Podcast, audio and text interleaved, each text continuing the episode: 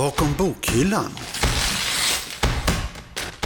Och då kände jag att det här hotet mot kunskapen som nu har uppstått då, det, det, är, det är ett hot mot hela vår existens på något sätt. Och, och jag kände att eh, här som filosof som har tänkt mycket på de här kunskapsteoretiska frågorna så har man ändå någonting att bidra med. Väldigt ofta har folk blivit korrigerade redan och har fått höra vad, vad, forskarna säger, men de vill ändå inte tro på det. Och då har du ett problem som inte bara är intellektuellt utan också känslomässigt. Då.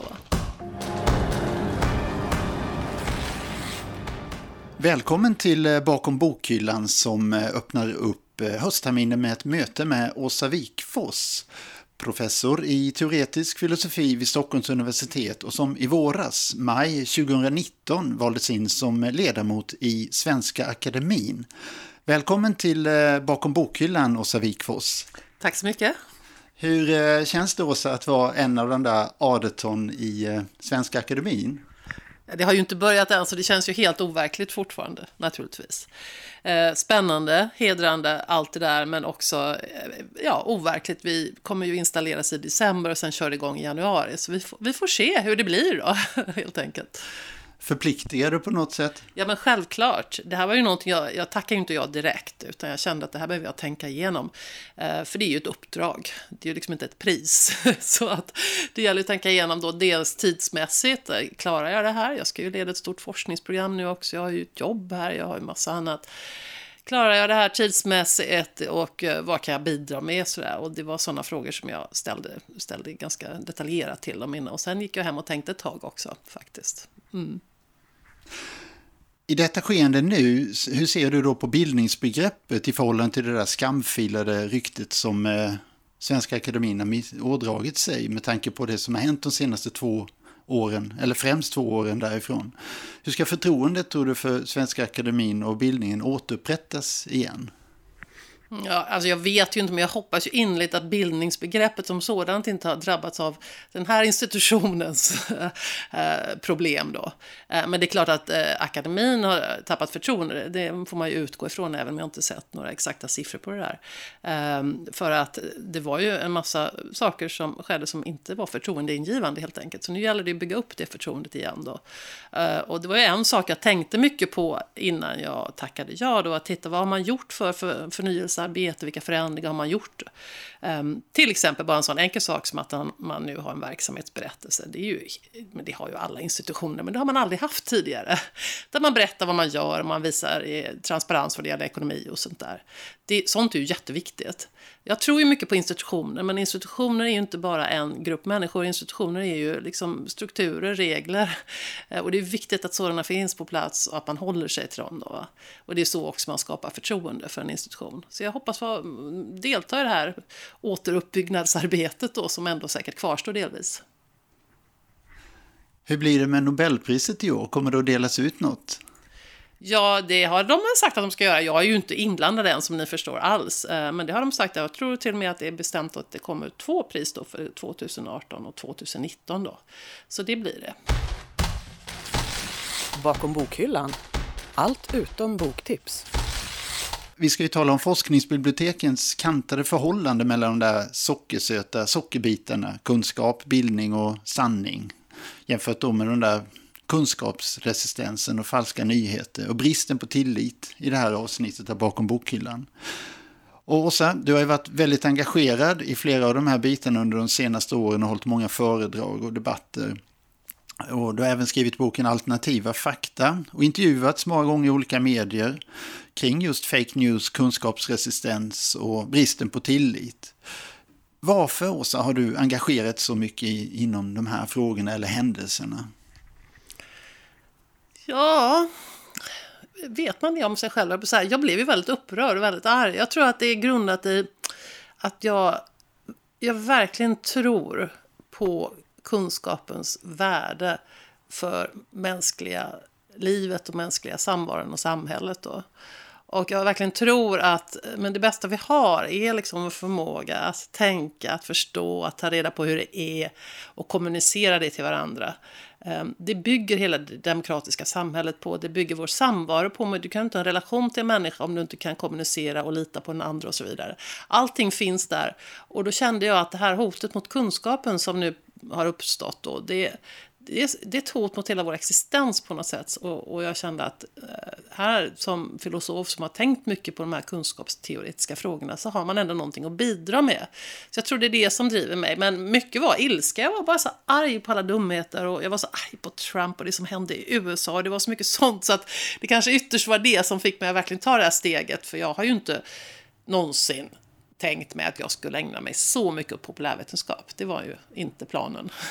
Men, men, du blev riktigt arg när Trump gick ut från början för några år sedan. Ja, alltså det, det som upprörde mig, det var ju först var det hela valkampanjen som var så osannolikt. Det var just det här med fejkade nyheter, det var ju första gången vi fick höra talas om det då. Och det spreds så eh, fruktansvärt mycket desinformation och vi vet ju efteråt att Ryssland var väldigt inblandad. Men det handlar också om Trumps attityd till kunskap och, och, till sanningen, där han själv bara säger precis vad som passar honom då. Va? En del har ju sagt att han är inte främst lögnare, utan han är en bullshittare. En bullshittare är en som säger eh, vad som helst utan hänsyn till om det är sant eller falskt. En lögnare vill ju säga det falska, så det är lite mer jobbigt att, att ljuga än att bullshitta. Då, va? Men han gjorde det så fruktansvärt mycket, bara vräkte ur sig saker vänster och höger och sa emot sig själv och gjorde precis... Och att, att det liksom fungerade gjorde mig så upprörd. Det ska ju inte gå. Tidigare har det varit så om en politiker eh, ertappas med en lögn så har det varit åh snälla någon, åh förlåt det var verkligen inte meningen och det var ett misstag och han bara puh, körde på och det gick bra ändå. Och jag tänkte, vad är det som pågår? Så det var ju Trump som person kombinerat med den nya tekniken, kombinerat med liksom sociala medier och allt det där. Va? Mm. Åsa, om vi går in på eh, universitetsbibliotekens eller forskningsbibliotekens betydelse för bildning och kunskapsutveckling i samhället. Vilken roll spelar de i vår tid? Ja, just det. Det är ju vår tid som är frågan då. För det är klart, historiskt har de spelat en enormt viktig roll att samla in den här litteraturen som vi som enskilda forskare eller studenter eller även medborgare får lov att använda forskningsbiblioteken också i största allmänhet. Så att den, den har ju varit en, en, en källa som har varit helt nödvändig. Nu är det ju så att det är väldigt sällan jag är nere på biblioteket dessa dagar. Därför att jag går in och laddar ner saker direkt. Då, va? Eh, och då får ju forskningsbiblioteket en liten ny roll då. Därför det vi, det vi står inför nu är ju, och det gör man som liksom medborgare och som forskare. Vad vi står inför är ju detta faktum att vi måste välja var vi hittar vår information. Då. Valet är så oerhört upp, mycket upp till oss då. Och utan vägledning så står man sig väldigt slätt. Det är väldigt lätt hänt att man hamnar helt fel. Och när det gäller just eh, forskningsbibliotekens roll här då så är det ju att se till att det finns eh, tillgång för forskare till de elektroniska resurser som finns, artiklar och böcker också, som är seriösa och som är pålitliga. Då, eh, för vi vet ju det att eh, det förekommer ju nu eh, mycket oseriösa vetenskapliga eller så kallat vetenskapliga tidskrifter som bara är ute efter att tjäna pengar. Som inte har någon peer review, det vill säga det här med eh, kollegial granskning som är ju liksom helt central för hela idén med en forskningsartikel, att den har granskats av, av andra experter. Då.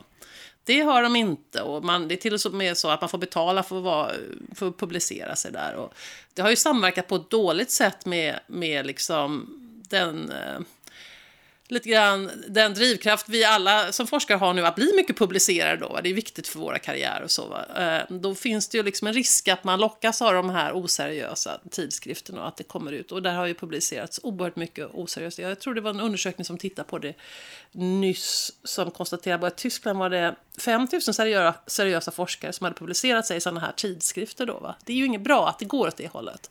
Eh, det kan ju tänkas att ett och annat som publiceras där är seriöst, men mycket är enormt oseriöst. Hur ska jag veta det? Hur ska jag klara av det här? Då behöver du forskningsbiblioteken som någon slags grindvaktare ändå, som, som väljer ut och ser till att den goda liksom, eh, forskningslitteraturen finns tillgänglig utan att man ska behöva betala som forskare då.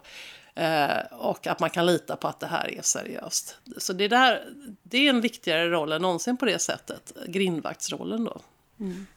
Så att hotet kring falska nyheter, om vi, om vi, om vi använder den termen, eller kunskapsresistent och faktatillit och sådant, den, den är tydlig även på forskningsbiblioteken. Men vad är det de egentligen är utsatta för? Alltså, jag, nu vet inte, jag, jag har ju varit ute och föreläst en del för, på, för bibliotekarier då, på olika biblioteksmässor och sådär. Va? Jag vet inte exakt vad som just drabbar forskningsbiblioteken då. Va? Men, men, kan det handla om vilken typ av inköp man gör till exempel? Jag kan, tänk, jag kan tänka mig att det handlar om inköp. Jag vet ju att andra bibliotekarier, när jag pratar om dem, va? att de blir väldigt hårt åtsatta av, av, ansatta av folk som kommer utifrån och säger varför har ni inte den här boken? Som är någon fake, eh, fake klimatbok eller det kan vara, eller någon liksom Mein Kampf, varför har ni inte den och sådär. Det kan vara sådana grejer.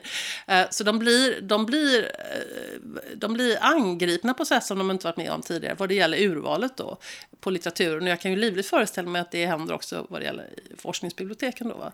Det gäller ju som bibliotekarie att man har mycket stor kunskap då om vad man håller på med och varför. Eh, och på vilka grunder man inte tar in en bok och så. Mm. Även forskningsdata är en väldigt viktig pusselbit i det här, att den är pålitlig forskningsdata är en väldigt viktig pusselbit. Och här finns ju eh, en problematik. Det finns ju mer och mer att man vill ha mycket open access och man vill ha mycket tillgång till forskningsdata, till rådata och sådär. Och problemet är att data kräver ju expertis för att analysera det. Då, va? Och man kan ju bara se framför sig hur, vad som händer när man lägger ut massa rådata där för folk som inte har expertis i statistik och sådär. Att tolka det då. Vi kommer att kunna få eh, belägg för precis vad som helst där sen. Så där finns också en problematik runt själva eh, data, datatillgången då va? och hur det ska förstås. Hur har det blivit så här då? Ja, alltså det, är flera faktorer som råkar samverka. Det är ju inte första gången i världshistorien som vi har massa desinformation. Det har ju hänt med jämna mellanrum.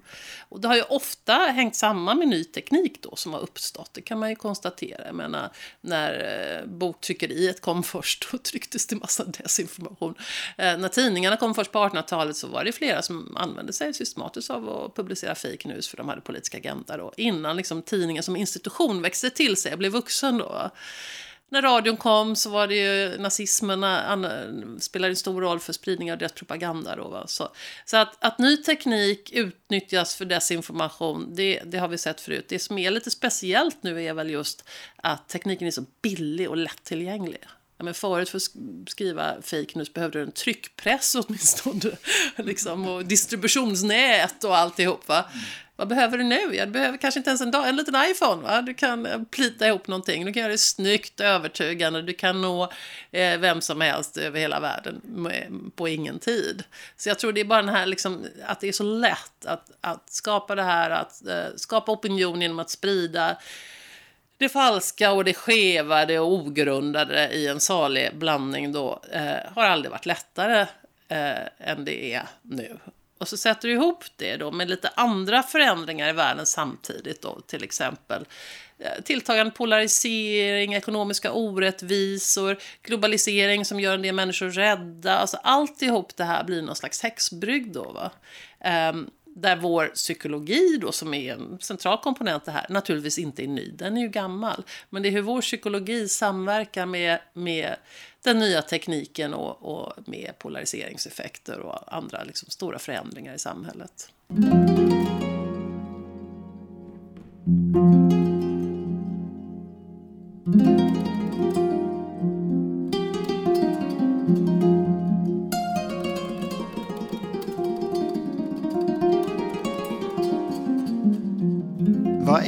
Kunskap, Åsa? Ja, det är ju alltså det tycker folk är en jättekonstig fråga, men i filosofi är det ju något vi gör på grundkurs, vi berättar vad kunskap är. Gå tillbaka till Platon, men grundtanken är helt enkelt att för att veta någonting så måste du ha en övertygelse, du måste tro någonting. Men det räcker inte att du har en övertygelse för om den är falsk så vet du inte. Så den måste vara sann. Men det räcker inte heller för du kan ha gissat, det kan ha varit i naturen att du har gissat rätt. Eh, utan du måste också ha någon slags grunder eller skäl eller evidens. Då, Så kunskap är eh, sanna välgrundade övertygelser ungefär. Då. Ehm, de här grunderna då, de ska ge oss skäl att tro att någonting är sant. Men ganska sällan så är grunderna så starka att vi kan vara helt säkra på att det är sant. Det sker bara inom kanske matematiken och logiken när man kan ha riktiga bevis. Då, Så vi lever liksom i en situation där vi får utgå från att det är sannolikt så här. och då finns det starka skäl och det finns svaga skäl och så försöker man försöka gå på de starka skälen. Men risken att ha fel, den lever med, alltid med och den kan också den liksom inbyggda risken kan utnyttjas av kunskapens fiender och så tvivel där man inte bör tvivla. Och det är så det går till väldigt ofta. Att, men är du säker på att det är så som klimatforskarna säger? Och så börjar man pilla lite i det och så tvivel. Så den möjligheten är inbyggd i kunskapens natur. Men eh, just det här enkla faktumet att eh, den digitala tekniken idag tillåter vem som helst att gå ut och söka upp enorma mängder av, av, av, information. Och kanske att de tror på det och därmed skapar sin egen sanning. Men den kanske enligt andra är fullständigt felaktig. Vad, vad händer i ett sånt samhälle? Att folk skapar sin egen egna sanning så att säga? Ja, alltså vad de skapar är ju inte en sanning, men de skapar sin egen verklighetsbild då, den är ju inte sann. um, det som är fara med det här är ju just när man får uh, en förvrängd verklighetsbild i frågor som verkligen spelar någon roll för, för vårt samhälle, för det demokratiska samhället. Då, eh, och det är ju det som sker också. Många av de här frågorna där det råder eh, vetenskapsmotstånd då, eller kunskapsmotstånd, det är frågor som har, blivit, liksom, har fått politisk laddning av olika eh, skäl. Då. Vaccinfrågan till exempel, eller klimatfrågan. Eller frågan om invandring och brottslighet, liksom, hur statistiken ser ut där. Det har blivit så politiskt laddat.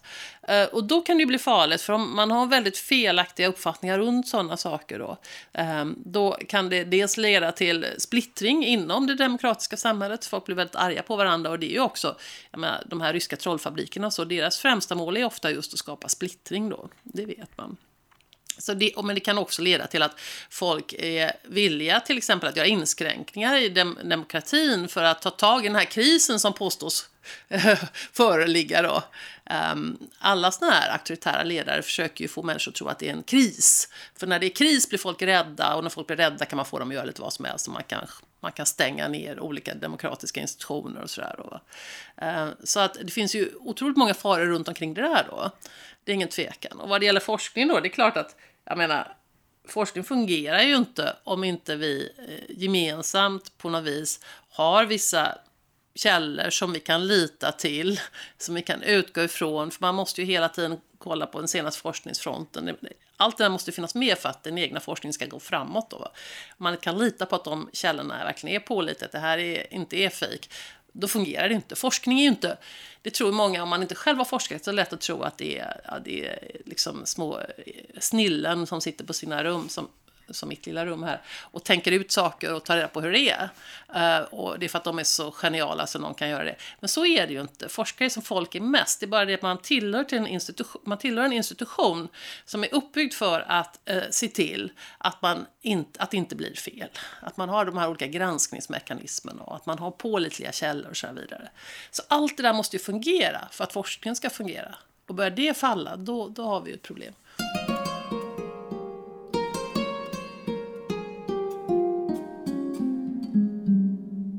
Det största hotet mot forskningen naturligtvis är att eh, eh, man tappar tilltro till forskare och att det blir en situation där man inte längre kan avgöra om en artikel är seriöst vetenskaplig eller om det är bara en sån här fake science-artikel. Så det är ju ett hot.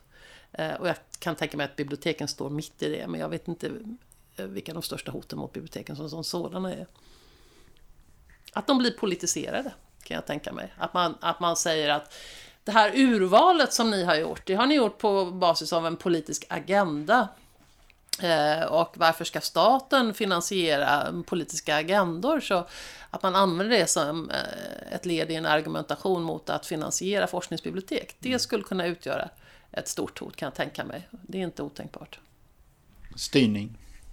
Ja, alltså den här argumentationen som förs med public service också. Public service har en eh, politisk agenda. Varför ska staten finansiera någonting som har en politisk agenda? Det ska ju vara neutralt och objektivt. Eh, därför ska vi inte längre ha public service. Eh, och det är ju, det vet man, det är döden i grytan för demokratin, för att man vet att eh, demokratier förutsätter välfungerande public service. Det finns ju data på det då. Så att, eh, och det här har ju skett. Det första som skedde i Ungern och i Polen är att man ger sig på public service. Man skulle kunna tänka sig något liknande hände med biblioteken. De står ju redan lite grann i politiska eh, hetluften där. som bibliotekarierna har berättat för mig, eh, men också med forskningsbiblioteken. Alltså varför den här forskningen, varför inte den där klimatförnekarforskningen med, med i hyllorna. Eh, ni har en agenda, ni ska inte ha finansiering. Av allt det här du nämner Åsa, så, så undrar jag då vad universiteten spelar för roll och, och vilket ansvar du som professor i, i, ja, i ditt fall teoretisk filosofi, eh, vad ni har för ansvar i, i det här att stå emot kunskapstilliten. Ja, alltså vi ska ju stärka kunskapstilliten och, och det är ju vi, eh, universiteten har en väldigt viktig roll här tror jag, för att eh, det handlar just om att det är ju så att det mesta som vi vet, det vet vi eh, tack vare andra människor. Det vet vi inte därför vi har direkt erfarenhet av det. Det är väldigt lite saker vi vet på det sättet. Det mesta vet vi från andra människor. Och frågan om att få kunskap kommer därför att handla så otroligt mycket om vem litar man på. Litar man på fel människor, så att säga, fel grupper, så kommer man inte få kunskap. Litar man på rätt gäng så får man kunskap då. Men jag tänker så här, medierna är ju utsatta för fake news på sitt sätt. Ekonomiskt till exempel, att de måste sälja upplagor och dittan dattan. Och då tar de gärna in information som säljer bra och det kan vara fake news. Ja. Och, och, jag tänker att universiteten måste också kunna sålla i det här från sin horisont, om man säger så. Att stå emot det här. Och, och då undrar jag, hur, hur, hur jobbar man, vad har man för ansvar att jobba mot eh, sånt som, ja desinformation om vi kallar det så. Nej, men det tycker jag man har ett väldigt, det det jag ska komma till. Dels gäller det att bygga upp förtroende så att folk litar på vad man säger. Va? Och då handlar det om att berätta om hur vi jobbar. Varför ska man lita på forskare? Prata om det mycket mer. Men dels handlar det naturligtvis om att gripa in. Om man ser som forskare, om man är forskar biologi, vad som helst. Man ser någonting eh, eh, sprids vad det gäller genmodifierade grödor som är falskt, då ska man ju in och säga någonting. Va? Alltså, eller vad det nu kan vara för någonting. På enskilda fall när man ser att det här är ju verkligen inte rätt, då tycker jag man ska gripa in. Eh, det är ju inte alltid ens forskning är relevant för det som pågår just nu, men när den är det så tycker jag man ska gripa in och helt enkelt bara förklara varför, berätta, och då ska man gripa in på rätt sätt. Man ska inte bara säga det är falskt, det är falskt, utan man ska förklara varför det har blivit fel här, hur det är egentligen och liksom vara väldigt tydlig med det. Det är ju sånt vi som forskare, vi undervisar ju också, vi är bra på att göra det. Va? Så det tycker jag man ska göra i det läget. Men vi ska också i största allmänhet som representanter för universitetet förklara hur vi jobbar och varför det finns skäl att tro att vi, eh, att vi är att lita på. Då. Vad finns det för motmedel kring den här kunskapsresistensen? Finns det motmedel? Det här var kanske ett exempel att forskare går ut och, och, och verkligen berättar när något är felaktigt och kan visa på ett annat en annan sanning så att säga. Men, men mer då, för det här är ju ett stort problem med, med kunskapstilliten. Ja, alltså motmedel, nu, man får väl tydligt vad man pratar om här. Alltså kunskapsmotstånd i sig är ju det här som man kallar, psykologer kallar för motiverat tänkande, där man um, av olika skäl slår ifrån sig uh, fakta då, eller man, man håller fast vid falska övertygelser då. Um, och det där kan ju då samverka med desinformation på väldigt farligt sätt. och då vet man ju att uh, lite olika saker behöver, behöver, behöver uh, komma till för att man ska kunna motverka det här. Och det, finns ju, det här är ju pågående forskning nu så vi ska, och vi ska titta på det i vårt program. Då. Men en sak man måste komma ihåg är att det handlar ju inte bara om att ge den rätta informationen så att säga. Väldigt ofta har folk blivit korrigerade redan och har fått höra vad, vad forskarna säger, men de vill ändå inte tro på det. Och då har du ett problem som inte bara är intellektuellt, utan också känslomässigt. Då, va? Så man måste komma ihåg det, att det här är väldigt känslodrivet. Eh, så att gå ut och bli förbannad och säga att folk är idioter så här, det är verkligen ingen, ingen, ingen bra idé. Och det är inte heller sant, för det handlar väldigt sällan om att folk är dumma i huvudet. Det är de inte, utan de resonerar ganska avancerat och man tittar på konspirationsteoretiker, de är ju verkligen liksom, oj vad de håller på och undersöker och argumenterar och sådär. Man måste inse att det handlar om känslor också. Där, där, är vi tillbaka där vi var förut, att man måste försöka skapa en situation där människor inte blir arga och inte känner att man ser ner på dem och inte, utan känner istället respekt och visar, visar respekt för människor och, och för att bygga upp tillit och förtroende då. Det är extremt viktigt att göra då. Mm. Inte helt lätt, jag vet ju själv i privatlivet om någon liksom insisterar på något som jag vet är falskt, man blir väldigt arg va. Men det är någonting vi måste bära med oss i våra forskarroller i alla fall, att, att det kommer aldrig att hjälpa. Att bli arg och bli eh, över, översitter i stilet. Det, det, är inte det som behövs nu. Eh, men i samband med att man också ändå är ute med och, och, och bidrar med den korrekta informationen på ett bra sätt och som kan verkligen göra, där man kan förklara också lite grann tror jag för folk hur desinformatörer agerar, hur det fungerar. Jag tror att det räcker inte att säga att den här nyheten är falsk, utan berätta också varför är det så väldigt lätt att tro på det här? Varför är vi så påverkbara här? Eh, och det handlar ju återigen om att eh, propagandamakarna och desinformatörerna, de jobbar mycket med känslor. De försöker få folk att bli rädda och arga och sådär. Ehm, att, att prata om det också, även typ det som vi kunde läsa om i New York Times förra veckan om liksom vilka, vilka stora internationella desinformations mekanismer som är igång och sprider desinformation i Sverige. Informera om det, jättebra.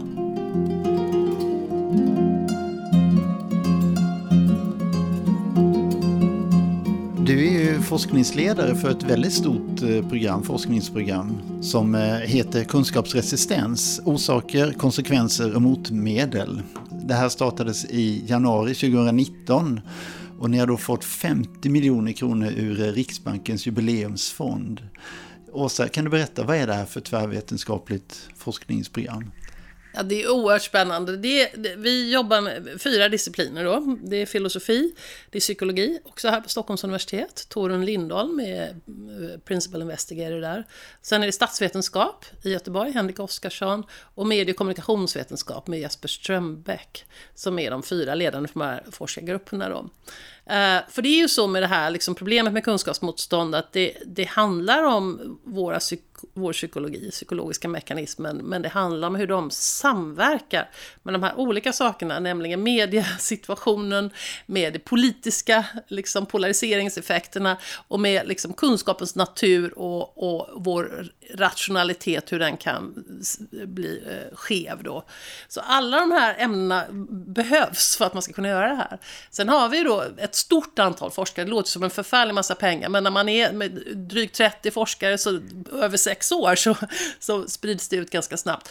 Eh, och eh, vi har även eh, många av de världsledarna, forskarna som håller på internationellt med de här frågorna, är inblandade på olika sätt i det här också. Så det är väldigt internationellt inriktat också. Så att vi kommer, vi har nu hållit på bara under våren då, vi har haft, satt igång, vi, våra experiment kommer att sätta igång under hösten då, och vintern.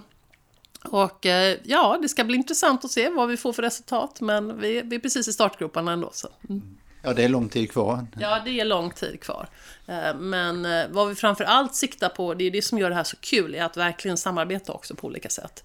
Och vi filosofer, vi funderar ut vad vi skulle vilja att psykologerna testar och de jobbar ihop med medvetarna och liksom att man verkligen får ihop det på det sättet. Det är det som är så otroligt, för mig som filosof som ofta jobbar lite mer isolerat, jättespännande.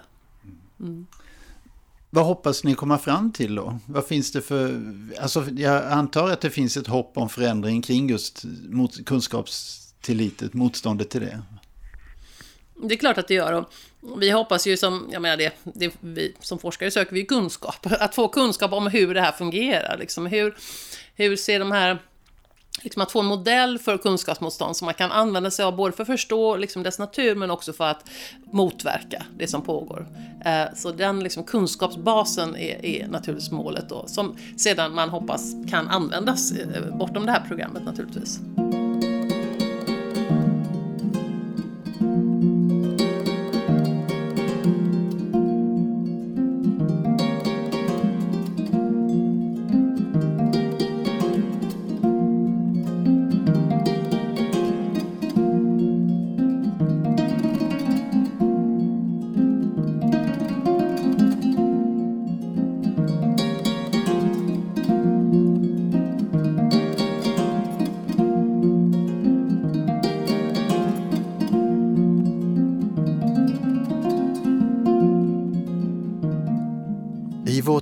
Vårt avsnitt av universitetsbibliotekets podd Bakom bokhyllan har ni mött filosofiprofessorn Åsa Wikfors som alltså på djupet engagerat sig i vår tids kanske största problem, hoten mot kunskap, kunskapsmotstånd och falsk information. Och bakom bokhyllan vill samtidigt passa på att önska Åsa Wikfors lycka till som ny ledamot i Svenska Akademin. Vi som jobbar med Bakom bokhyllan är Karl Edqvist, Julia Milder och jag Urban Göransson. Och ett nytt avsnitt hör ni om 14 dagar. Kåramusiken ni hörde i det här avsnittet är licensierad under Creative Commons och programsignaturen Di Zeitung är komponerad av Stefan Levin. Mer information om musik, kontaktuppgifter med mera hittar du på Bakom bokhyllans webbsida su.se biblioteket.